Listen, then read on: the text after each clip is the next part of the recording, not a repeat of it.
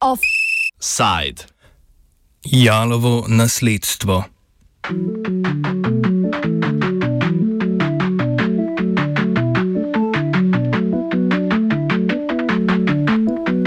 Evropsko sodišče za človekove pravice, krajše ESČP, je v danes objavljeni sodbi ugotovilo, da ni pristojno za obravnavo meddržavne tožbe Slovenije proti Hrvaški glede povrnitve terjatev hrvaških podjetij nekdani Ljubljanski banki.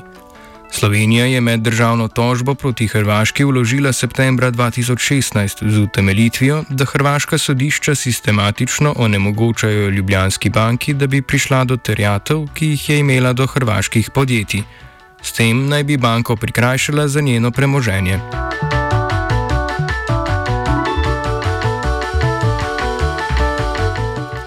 Slovenija je tožbo vložila na podlagi 33. člena Evropske konvencije o varstvu človekovih pravic in temeljnih svoboščin, ki med državne sodbe omogoča. Veliki senat ESČP pa je v povezavi s 34. členom konvencije ugotovil, da država ne sme zastopati pravic pravnega subjekta, ki se ne kvalificira kot nevladna organizacija.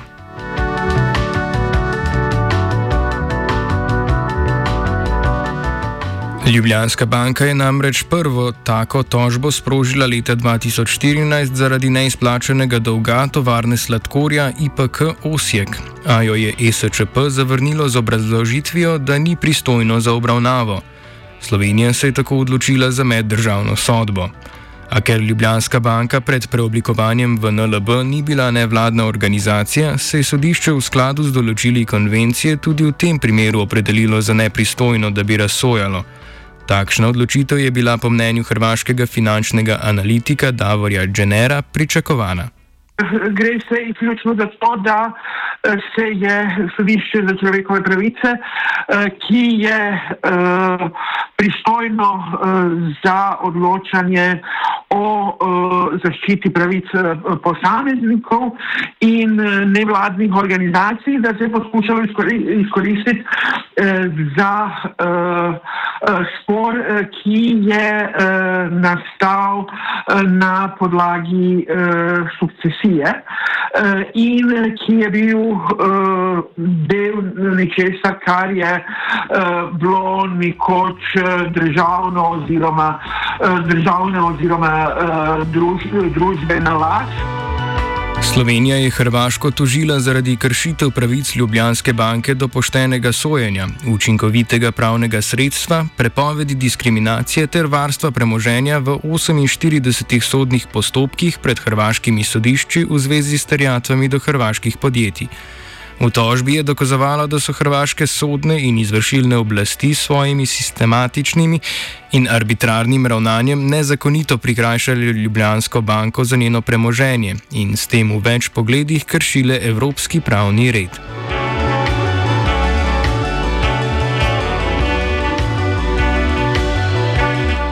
Slovenija je v tožbi od Hrvaške terjala skupno 429,5 milijona evrov s pripisanimi obrestmi, kolikor je po oceni revizorjev znašala višina terjatev na dan uložitve tožbe. Terjatve izhajajo iz obdobja nekdanje skupne države, ko je bila Ljubljanska banka ena največjih bank v Jugoslaviji in velik posojilodajalec hrvaškim podjetjem. Genero pojasni, odkot takšna višina terjatev. Gre za uh, izgubo, ki, je, uh, ki bo bre, na nek način bremenila uh, državni uh, proračun Republike Slovenije, ampak ki dejansko uh, ne obstaja. Tega denarja uh, nikoli uh, dejansko ni bilo. Uh, ta denar, uh, ta terjatev je na, v, v svojem največjem delu uh, nastala uh, na podlagi uh, o, pripisanih obresti uh, na kredite. Krediti so uh, plasirani na podlagi uh, depozitov hrvaških državljanov. V Zagrebsko poslovalnico v Ljubljanske banke.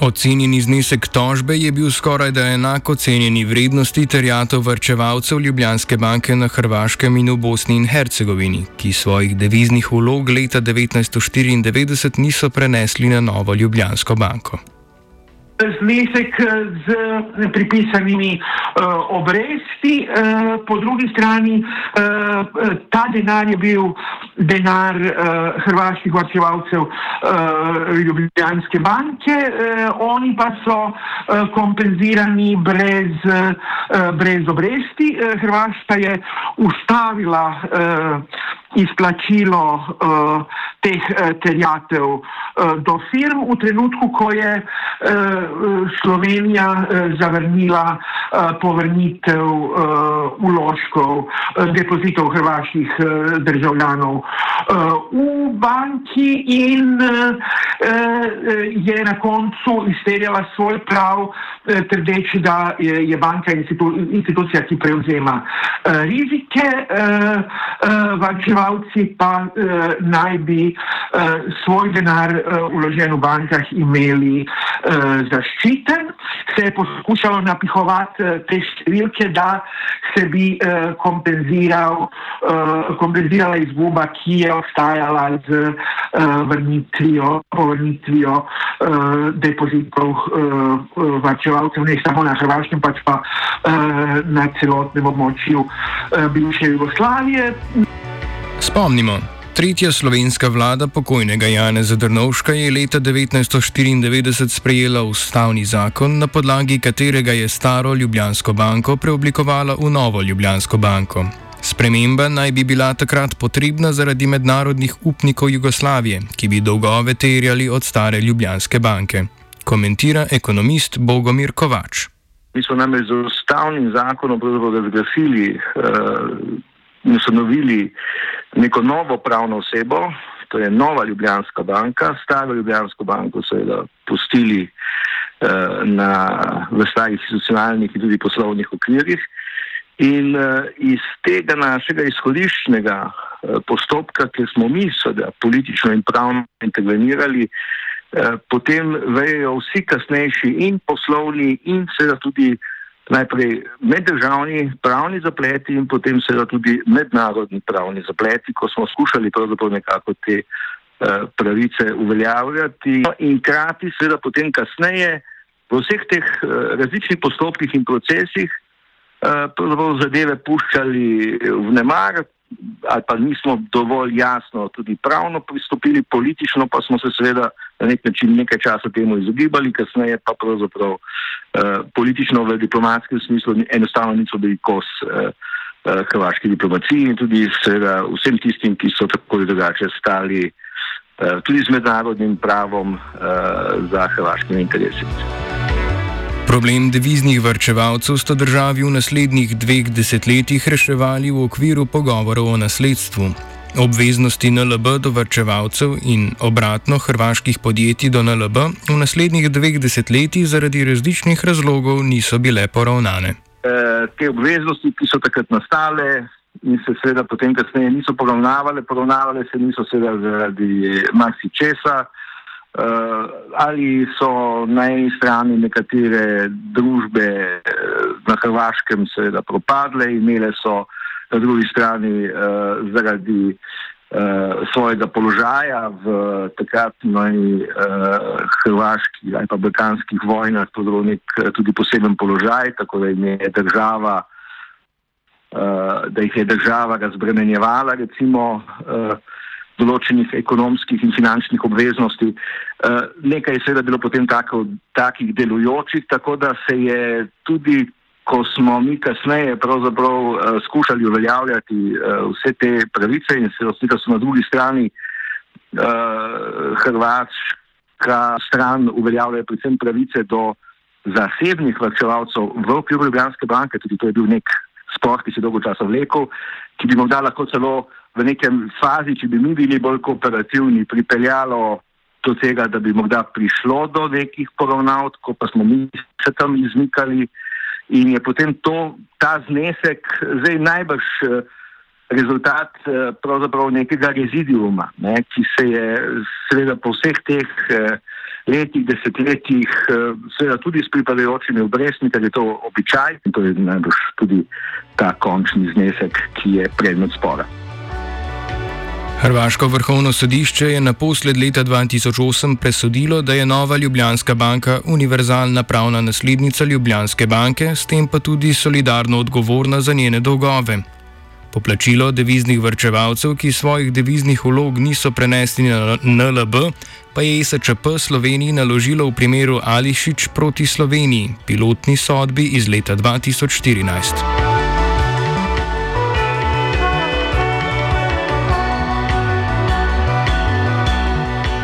Slovenija se je tako znašla v nezavidljivem položaju. Na eni strani je morala izplačati vrčevalce Ljubljanske banke na Hrvaškem in v Bosni in Hercegovini v skladu s sodbo SČP. Na drugi strani pa je Hrvaška s sodnimi procesi preprečevala poplačilo terjatov hrvaških podjetij Ljubljanski banki. Več Genero. E, dejstvo je, da so uh, uh, pogodbene uh, obresti, ki so jih uh, imeli hrvaški eh, varčevalci eh, v tem trenutku bile tudi popolnoma nerealni in zaradi tega so oni kompenzirani, kompenzirani brez obresti, po drugi strani pa ni za pričakovati, da banka v lasti slovenske države za tuji denar, ki katerim je uh, razpolagala brez obresti, da na njega uh, na koncu uh, zasluži nekakšne obresti. Ampak to je zdaj uh, vprašanje, uh, vprašanje uh, merituma uh, procesa. Gre se za to, uh, da se je uh, izkazalo, da uh, inštitucija, na katero se je uh, slovenska država uh, obrnila uh, v poskusu uh, izterjatve teh terjatev, da se je razglasila za nenadležno in to je na nek način bilo tudi za nepristojno in to je tudi bilo za pričakovati, da bo tako. ESČP je decembra 2018 primer odstopilo velikemu senatu, ki ga sestavlja 17 sodnikov. Ustna obravnava o dopustnosti tožbe je pred velikim senatom potekala junija lani. Na tej obravnavi je Hrvaška zavračala slovenska stališča. V primeru Ljubljanske banke naj ne bi šlo za navadno tožbo komercialne banke, ampak dejansko za gospodarski interes države. Ljubljanska banka naj bi bila pravzaprav vladna organizacija, ki v skladu z določili Evropske konvencije o človekovih pravicah, pravili in sodno prakso sodišča nima pravice vlagati tožb. To, to je sodišče po mnenju Hrvaške potrdilo tudi leta 2015, ko je zavrnilo individualno tožbo Ljubljanske banke za izterjavo terjatov tovarne sladkorja IPK Osijek.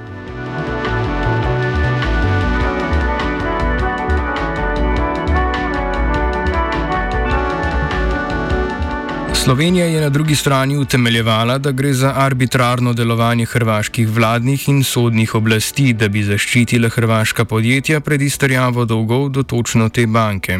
Med državnih sodb je na SČP sicer malo, zato je tudi malo to vrstne sodne prakse. To je bila prva meddržavna tožba med članicami EU na SČP, pa tudi prva meddržavna tožba za pravice kakšne pravne osebe na tem sodišču. Polovica oziroma več kot 40 hrvaških podjetij, ki jih je tožila Ljubljanska banka, je šlo med tem v stečaj. Sodba je tako še en dokaz nesposobnosti reševanja interesov države v notranje političnih in bilateralnih sporih, komentira Kovač. Če Slovenija, ne, recimo na ekonomskem, finančnem področju, ne, ne zna razrešiti svojih lastnih problemov. Recimo pri sanaciji slovenskih bank iz leta 2013, ne, iz uh, sanacije eh, in uh, slovensk, prve sanacije slovenskih bank v začetku 90-ih let in seveda vse politično-pravne kolobocije, ki smo jo pri tem seveda izpeljali. Ne. Če torej ne znamo videti uh, interesov države in tudi varovanja, konec koncev, interesov komitentov, ne, najprej v lastnih vrstah in v lastni državi, potem strašansko težko. Očitno razumemo in tudi razrešujemo vprašanja, ki so seveda podobna na mednarodni ravni. Veliko priložnosti smo že zapravili, veliko neumnosti pri tem tudi storili, smo preprosto, kako rekli, strokovno in politično nedorasli tudi v teh bilateralnih odnosih in zato se nam dogaja to približno, kar se nam dogaja. Ne? Se pravi, da na teh pravnih instancah bolj ali manj uh, stvari izgubljamo, ker smo seveda prišli vanje z neko zelo obremenilno in dvomljivo pravno in politično dediščino in ker smo potem tudi v nadaljevanju običajno ravnali uh, zelo nespretno in uh, tudi, lahko bi rekli, uh, sprenevedalo. Sloveniji po drugi, tokrat dokončni odločitvi SČP, tako ne preostane nobena pravna možnost za izterjavo tako imenovanih fiktivnih terjatev, zaključuje Genero. Tu se gre eh, za hudo napako, ki jo je eh, slovenska država eh, naredila eh, na začetku eh, osamosvoj, osamosvojitvene poti. Eh, na slovenskem so ljudje, eh, kot je bil pokojni profesor Bučar, zelo odprto govorili o tem, da je to bila huda eh, napaka eh, tedaj, eh, tedajne eh, oblasti in se je dejansko Eh, proces, ki je itak eh, del eh, političnega prestiža in doseganja tega, katera država bo izterjala svoj prav. V tem procesu so se de facto za proces o denarju, ki ne obstaja in ki nikoli ni obstajal. Offside je pripravil Dugi.